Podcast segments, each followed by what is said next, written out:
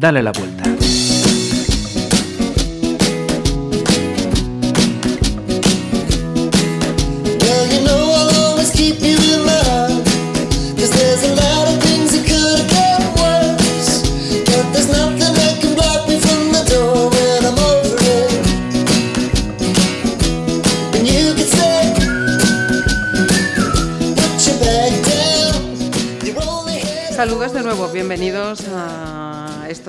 Dale la Vuelta. María González, bienvenida. Hola, bien, oh, gracias. Yo iba a decir bienvenida a ti también, pero claro, más está bien... bien, bienvenida tú también, porque yo también estoy aprendiendo mucho sobre todas estas cosas de lo inalámbrico, lo emocional y todas estas cosas. Y lo bueno además es que mm, no solo yo estoy aprendiendo, sino que estamos despertando la curiosidad de los que estáis ahí a cualquier hora, cualquier día que nos engancháis en, estos eh, podcasts y habéis planteado las preguntas a, María a través de ese correo, que además eh, se lo vamos a poner más fácil, ¿no? Sí, sí, sí, claramente. Eh, me he escuchado y he dicho yo, bueno, ya que además ha habido este interés, vamos a ponérselo más fácil. Y ahora hemos hecho un nuevo correo que es María, dale la vuelta, arroba gmail.com para que podáis enviarnos ahí pues todas las preguntas, dudas, sugerencias que queráis hacernos. María, dale la vuelta, arroba gmail.com. Facilísimo. Lo primero, gracias a los que ya habéis eh, planteado preguntas en estos eh, tres primeros eh, programas que ya llevamos hecho. Y, creo que la primera de las eh, preguntas que nos vas a trasladar y que nos han eh, dejado eh, va en relación a, las energías, ¿no? Podemos escucharla y, y respondes. Muy bien, bueno, pues adelante, vamos a escucharla. Bueno, a mí me gustaría saber un poco más sobre el tema de que las emociones son inalámbricas. No sé, no entiendo muy bien cómo va todo eso. ¿Podríais poner algún ejemplo o, no sé, explicarlo un poquito con más profundidad? Gracias. Muy bien, pues, pues a ello vamos entonces. Venga, vamos allá. A ver, eh, inalámbrico es un, térmico, un término que utilizo yo. Y vamos a ver qué significa inalámbrico, ¿no? La RAE dice que es un adjetivo y dice literalmente, dicho de un dispositivo o sistema de comunicación eléctrica sin cables conductores que no tiene cables. Vamos a ver, ahora lo trasladamos al ser humano. El ser humano es un sistema en sí que además tiene un sistema eléctrico. Y diréis, ¿cómo un sistema eléctrico? A ver, queridos oyentes, ¿quién de aquí tiene el corazón funcionando? ¿Podríamos levantar la mano? Marisa y yo ya la tenemos levantada. Bien, pues el sistema eh, del corazón, eh, todos sabemos, y los que no, pues lo van a descubrir ahora, tiene impulsos eléctricos. Nuestras neuronas, nuestros pensamientos, ¿cómo se generan? A través de impulsos eléctricos. El que tenga pensamientos, que levante la mano. Queridos oyentes, una vez más tenemos impulsos eléctricos. Es decir, que tenemos un sistema eléctrico funcionando para nosotros. Somos nuestro, lo que somos, una parte es un sistema eléctrico, un sistema energético. Entre ellos con impulsos eléctricos y además sin cables. No tenemos cables que generen ese chispeo ¿eh? en nuestro corazón y en nuestro cerebro. Tenemos otro diseño, ¿vale? Entonces, como ya decíamos en programas anteriores, ¿qué es esto de las emociones inalámbricas? el ser humano tiene un sistema complejo en donde un tanto por cien más pequeño, el tanto por cien más pequeño es un sistema físico, es decir, tenemos un sistema emocional. ¿Quién, a ver, queridos oyentes, ha, sentido alegría o amor o enfado a lo largo del día de hoy? Que levante la mano.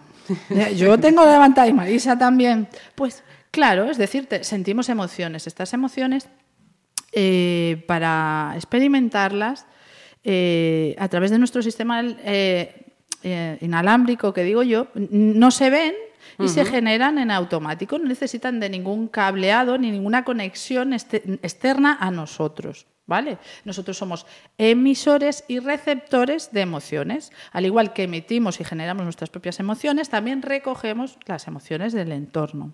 Entonces, esto forma parte de ese sistema, por eso digo yo, inalámbrico, sin cables. Entonces, los seres humanos vibramos más o menos en las mismas frecuencias. Podemos recoger y emitir, ¿no? emociones, una gama de emociones variadas. Y esas emociones, pues no se ven. Yo no he visto salir de mi cuerpo ninguna de las emociones. He experimentado muchas, no sé tú, Marisa. Sí, sí. Buenas, medianas y de todo un poco. ¿Y las has visto salir de tu cuerpo del de alguno? Mm, nunca. Salvo que haya un medio, igual me estoy yendo, que, lo puedas materializar, es decir, la risa o la pena con, una lágrima, sería un, no sé si una evidencia, un síntoma, pero la pena, la rabia, la alegría no, no la he visto salir ni por las manos, ni por los pies, ni por la cabeza. Efectivamente, porque no están diseñadas para el ojo humano. El ojo humano tiene una finalidad, pero nosotros somos un sistema más complejo de que solo existe lo que vemos. No, nosotros tenemos eh, percepciones y otros sistemas, como el sistema emocional o el sistema de pensamientos, que está basado en, leyes, ondas, frecuencias, vibraciones. ¿eh? Eh, por ejemplo, la radio, ¿qué estamos haciendo? Lo mismo. ¿Eh? Generando ondas que se reciben y causan que pensamientos, emociones, sensaciones, no hace falta que toquemos a nadie, es, es inalámbrico, es decir, no tiene que existir un cableado, no hace falta que exista un cableado entre tú y yo, o entre nosotros y vosotros, queridos oyentes, porque es inalámbrico. Nosotros generamos la emoción, aparte de que de la generemos también por nuestras palabras, al hacer el programa, todo eso va impreso en el propio programa y cuando vosotros lo escucháis, lo recibís todo, queridos y queridas. Son inalámbricas. A esto me refería con lo de que las emociones son inalámbricas. Pues esperemos que Belén quede satisfecha con la, con la respuesta que, le acabas eh, de dar y gracias, por supuesto, por, por participar también en, este, en estos programas. Otra cuestión también que trasladábamos o que planteábamos, eh, ya no recuerdo si fue en el primero también, sí, puede ser también en el primero que hablábamos de, la muerte, ¿no? Sí, sí. Hemos empezado fuerte. Hemos ¿eh? empezado fuerte. Hay que ver, ¿eh? Pero sí que es cierto, sí que, es, cierto que es una, una cuestión eh, que yo creo que no es indiferente para nadie porque la mm, aceptamos, no la aceptamos, la afrontamos con naturalidad, con disgusto, con miedo, pero es una cuestión que está ahí y que, ya digo, yo creo que indiferente para nadie. No, y es de muy actualidad, porque que levante la mano el que no se vaya a morir. Es decir, ¿quién es el guapo la guapa?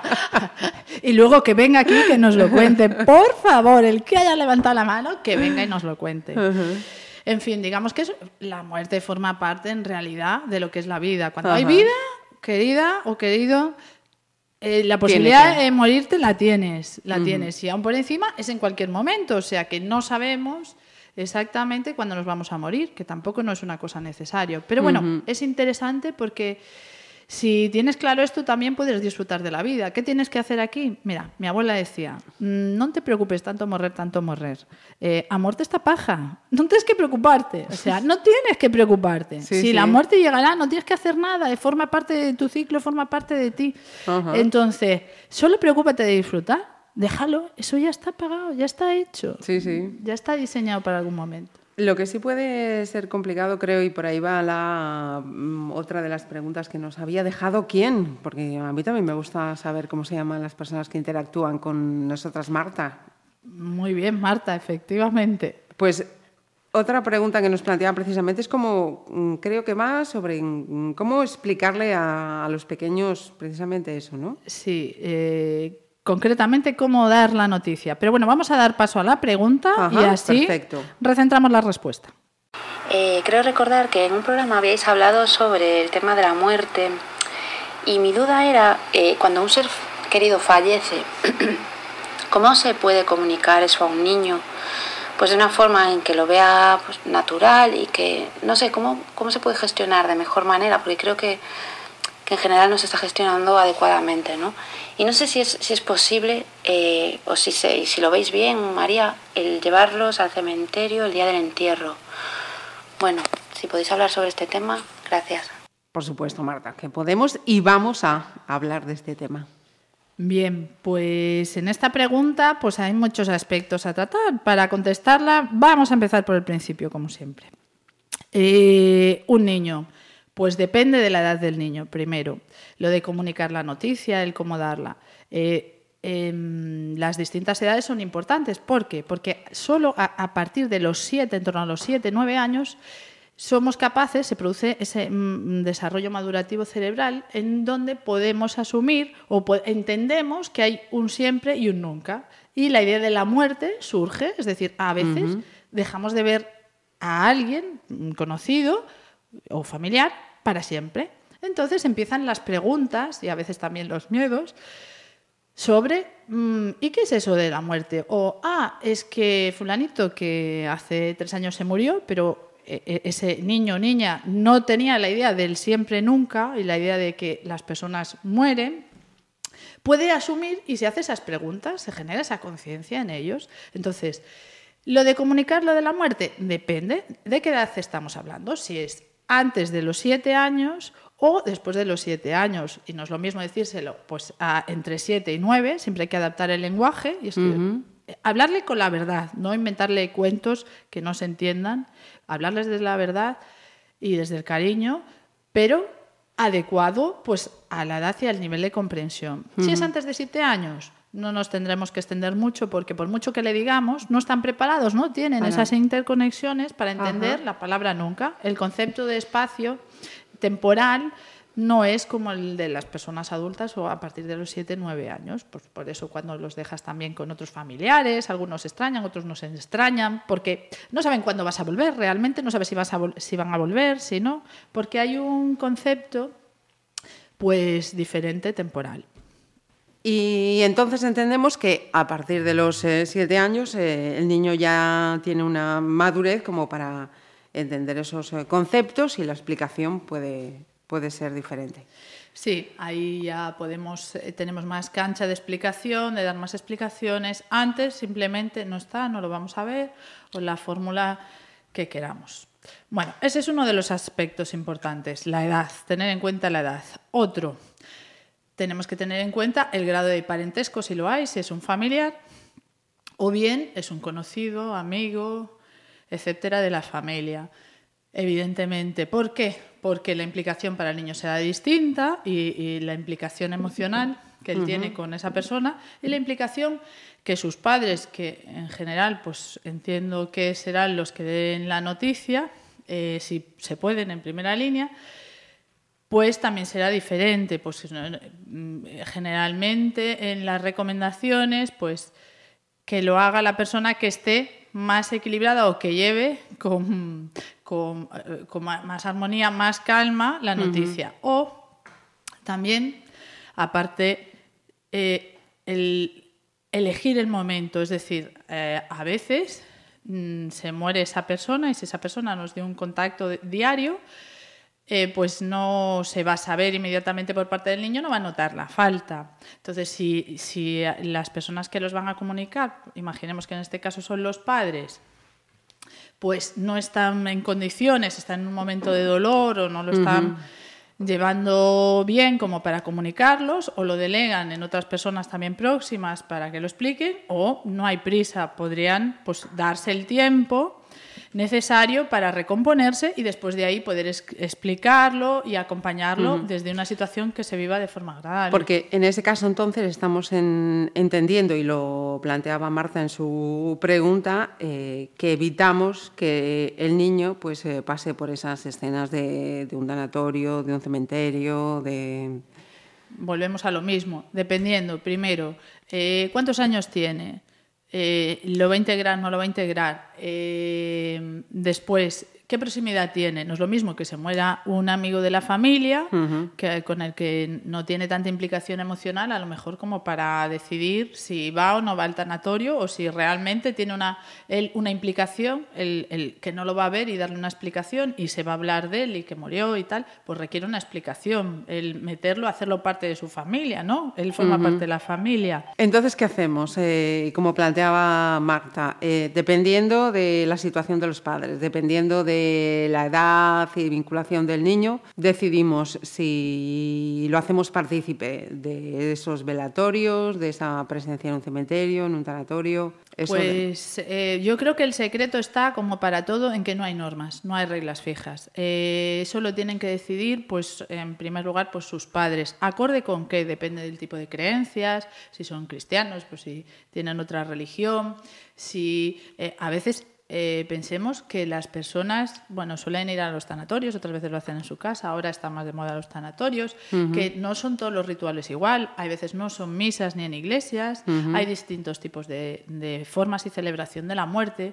Por ejemplo, yo he tenido una amiga que se ha muerto y que dejó escrito, y así lo hicieron su familia, eh, alquilaron una de, una, bueno, unas bodegas, un, evento, y hicieron, pues, eh, todas las personas queridas para ellas, hablaron, y hablaron de ella. Había una música, una música preciosa, se dieron unos pinchos, hicieron eh, ese fue, fue el, la, despedida. la, despedida. Entonces, ¿en esa despedida podrían venir los niños? Pues sí, sería un ambiente donde se vive desde la tragedia o impactos emocionales de malestares varios.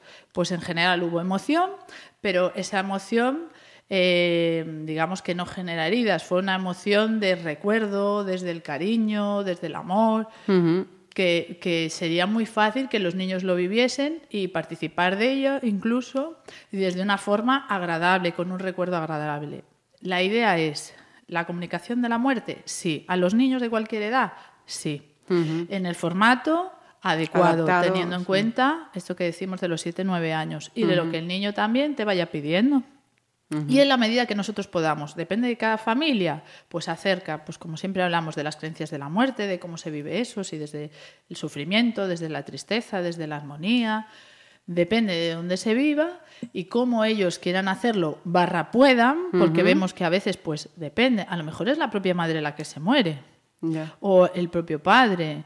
Eso es de un impacto emocional asegurado. Entonces, el poder hacer una buena gestión, o más bien una gestión eh, eh, que luego yo, para que se hable en cristiano, es que luego no te deje una herida tremenda, sino que lo puedas recordar como algo de una intensidad, porque que se te muera alguien, y más en primer grado, como puede ser una madre o un padre, incluso cualquier edad, te puede dejar una herida se trata, aquí venimos a dar la vuelta, de que esto no sea así. Está muy arraigado en las creencias, en que cuando uno ya no está, ya lo vimos en el programa, la muerte, pues como que si ya, ya no tiene cuerpo, ya no está y ya no puntúa en nuestras vidas. Y eso en realidad puede ser así si tú lo crees, o puede no ser así si tú crees otra cosa.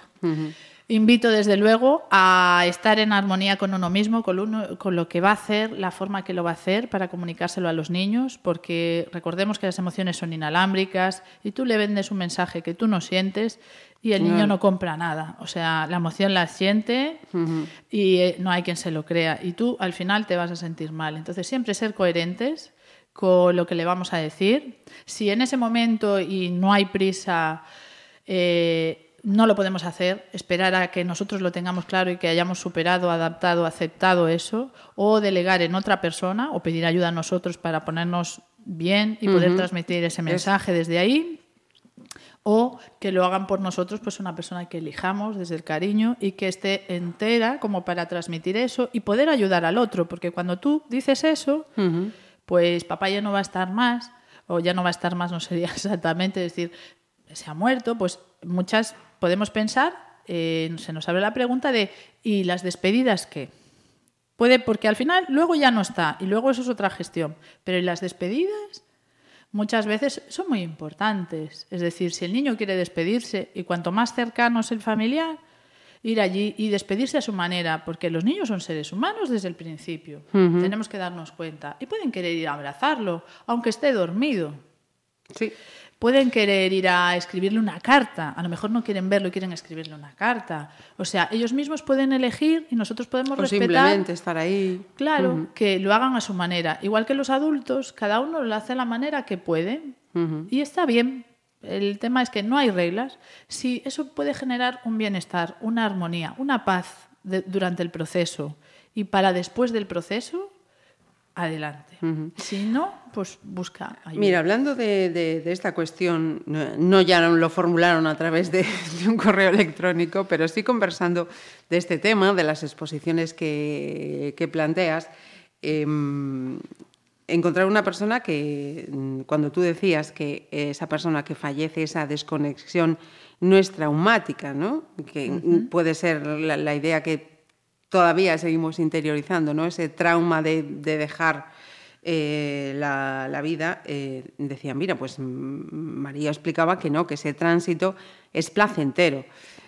Y seguía muy reticente. Bueno, mm, porque lo digan y no tengo por qué creérmelo, efectivamente. Porque lo digamos, no tiene por qué creerlo, pero hay bases científicas que, que así lo, lo señalan, ¿no? Pues sí, yo a mí me lo enseñó en un curso sobre la muerte y los cuidados paliativos, una anestesista andaluza que se dedica, y además es un referente en este tema, que se dedica a los cuidados paliativos y a la unidad del dolor en, en personas terminales que están en el proceso de fallecer y es una gran estudiosa de eso. Y bueno, hay libros, de hecho, de la desconexión, estamos hablando de la desconexión fisiológica, es decir, el cerebro se va apagando y se desconecta por partes. El sistema límbico, el sistema... Lo último que se desconecta es el sistema de soporte vital, es decir, el que asiste a que el, corazón, pim, pim, pim, pim, esté generando impulsos eléctricos y la respiración y los músculos asistan todo eso. Entonces, eh, hay un proceso fisiológico de desconexión que se describe en distintos libros, hablamos de ellos en el programa de la muerte, que describen eso tal cual y de forma científica. No, yo efectivamente invito a que no me creáis ni lo que diga yo ni lo que diga nadie, sino ir a las fuentes, leer y experimentar. Vamos a experimentar. Lo que pasa es que si, si antes de experimentar esto de la desconexión está física, pues sabemos un poco eh, o generamos creencias, porque a lo mejor también son creencias, eh, de ir tranquilos, pues las posibilidades de que lo pasemos mejor o de que este proceso sea más agradable son más. Porque yo me puedo no creer esto o me lo puedo creer. Sea verdad o sea falso, igualmente me van a generar dos actitudes distintas. Que yo esté tranquila cuando me toque morir, si no es de repente, por ejemplo, ¿no? Entonces ya estoy tranquila de todo porque como no lo sé, pues ya no genero miedo. Si resulta que sé que me voy a morir, estoy desconectándome, generalmente la gente que se va a morir lo sabe, es decir, pues, pues los ancianos o las personas que están malitas, dicen, yo noto que ahora sí, que me muero si tienen la confianza suficiente como para decírsela y tú se lo permites, porque si te ven que estás escapando, que no puedes soportar eso, pues no te lo van a decir. Pero si no, alguien se lo dice, si no es el equipo que viene a ayudarle, de sanitarios, si no es a los parientes. Por eso, queridos amigos, el poder aceptar la muerte como un proceso normal y desde la armonía, que se puede, ¿eh? yo lo he vivido y, no soy la única, hay más gente por ahí que lo vive desde ahí y ha tenido familiares cercanos que se han muerto, pues es fundamental, porque tú puedes acompañar y puedes permitirte despedirte, estar ahí, que el otro se despida, que te diga las cosas, es decir, bueno, yo siento que me muero. Mi madre me decía, bueno, yo ya siento que me muero, que mi energía, que yo me voy, que ya no me queda, que me queda muy poco tiempo. Y efectivamente, ya lo veías y te lo decía, y le quedaban dos días. Eh, entonces, eh, pues si tú eso lo tienes aceptado, lo tienes asumido y realmente crees que, pues sabes lo del proceso de la muerte o simplemente te crees que esa desconexión, que repito, que hay libros de científicos, ¿eh? las distintas áreas del cerebro que pusieron sus, sus neurosensores ahí, en el cerebro por fuera, hicieron un cefalograma y vieron cómo se desconectaban las distintas áreas a medida que el proceso de, de la muerte avanzaba en la persona, en distintas personas. Vieron cómo las áreas se desconectaban. Entonces hay un momento que hay una no hay percepción del cuerpo, eh, las sensaciones y la parte que recoge las sensaciones del cerebro se apaga. Entonces ya no hay una sensación física, con lo cual eh, la persona que se está muriendo deja de percibir si tenía dolores, el dolor. Igual que se puede hacer a través de los anestésicos y de otros medicamentos que lo que hacen es precisamente desconectarlo del cuerpo, a que a ti cuando te operan y te ponen una anestesia general, no primero te ponen una cosa para no recordar y otra para no sentir. Tú no sientes dolor cuando te cortan, si te quitan el apéndice.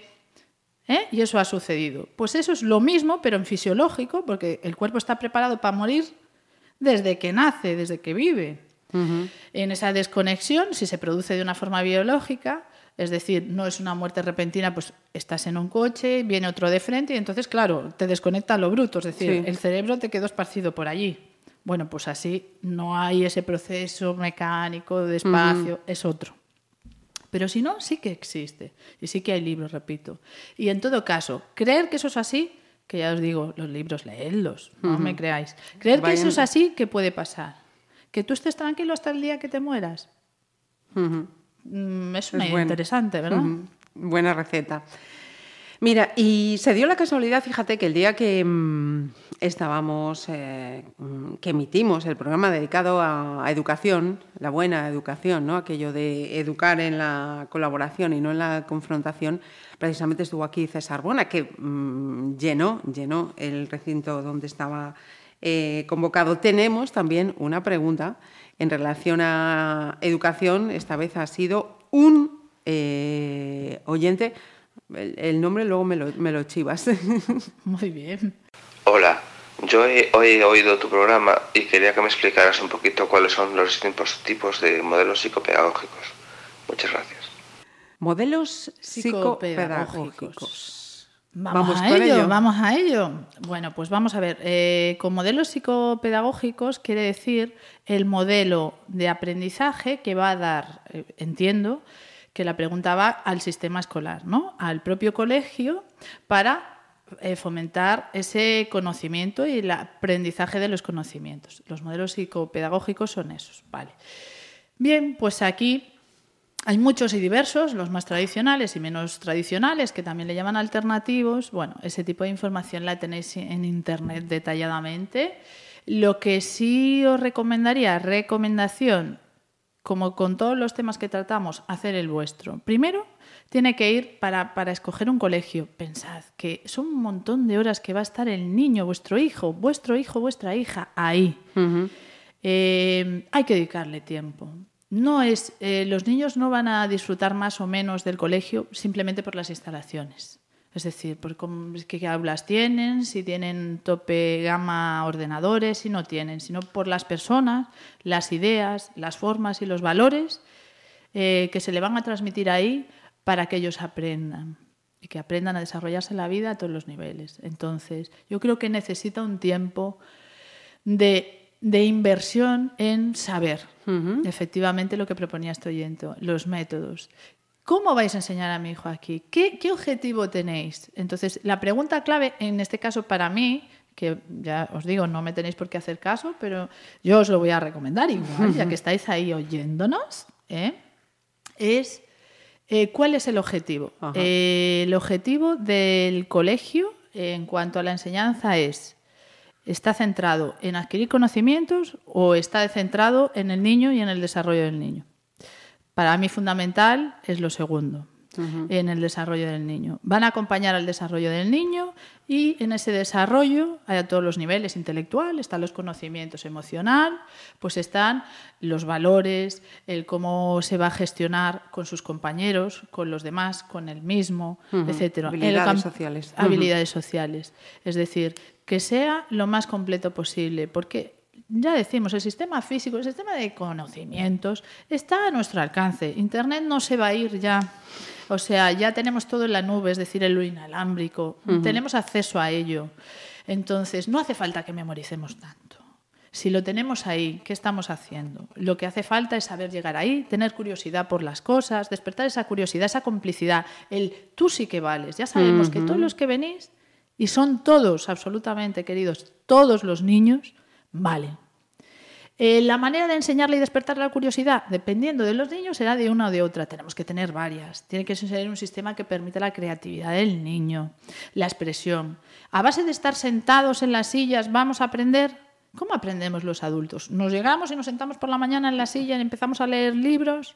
No, vamos y lo hacemos. Pues experimentar, que no haya ni, un sistema de cooperación, no competitividad. Si tenemos que competir es de competencia, de competencia personal. Es decir, yo soy competente, es decir, cada vez sé hacer las cosas, cada uno a su ritmo, y voy alcanzando objetivos de desarrollo a todos los niveles. No competir con mi compañero a ver quién es más.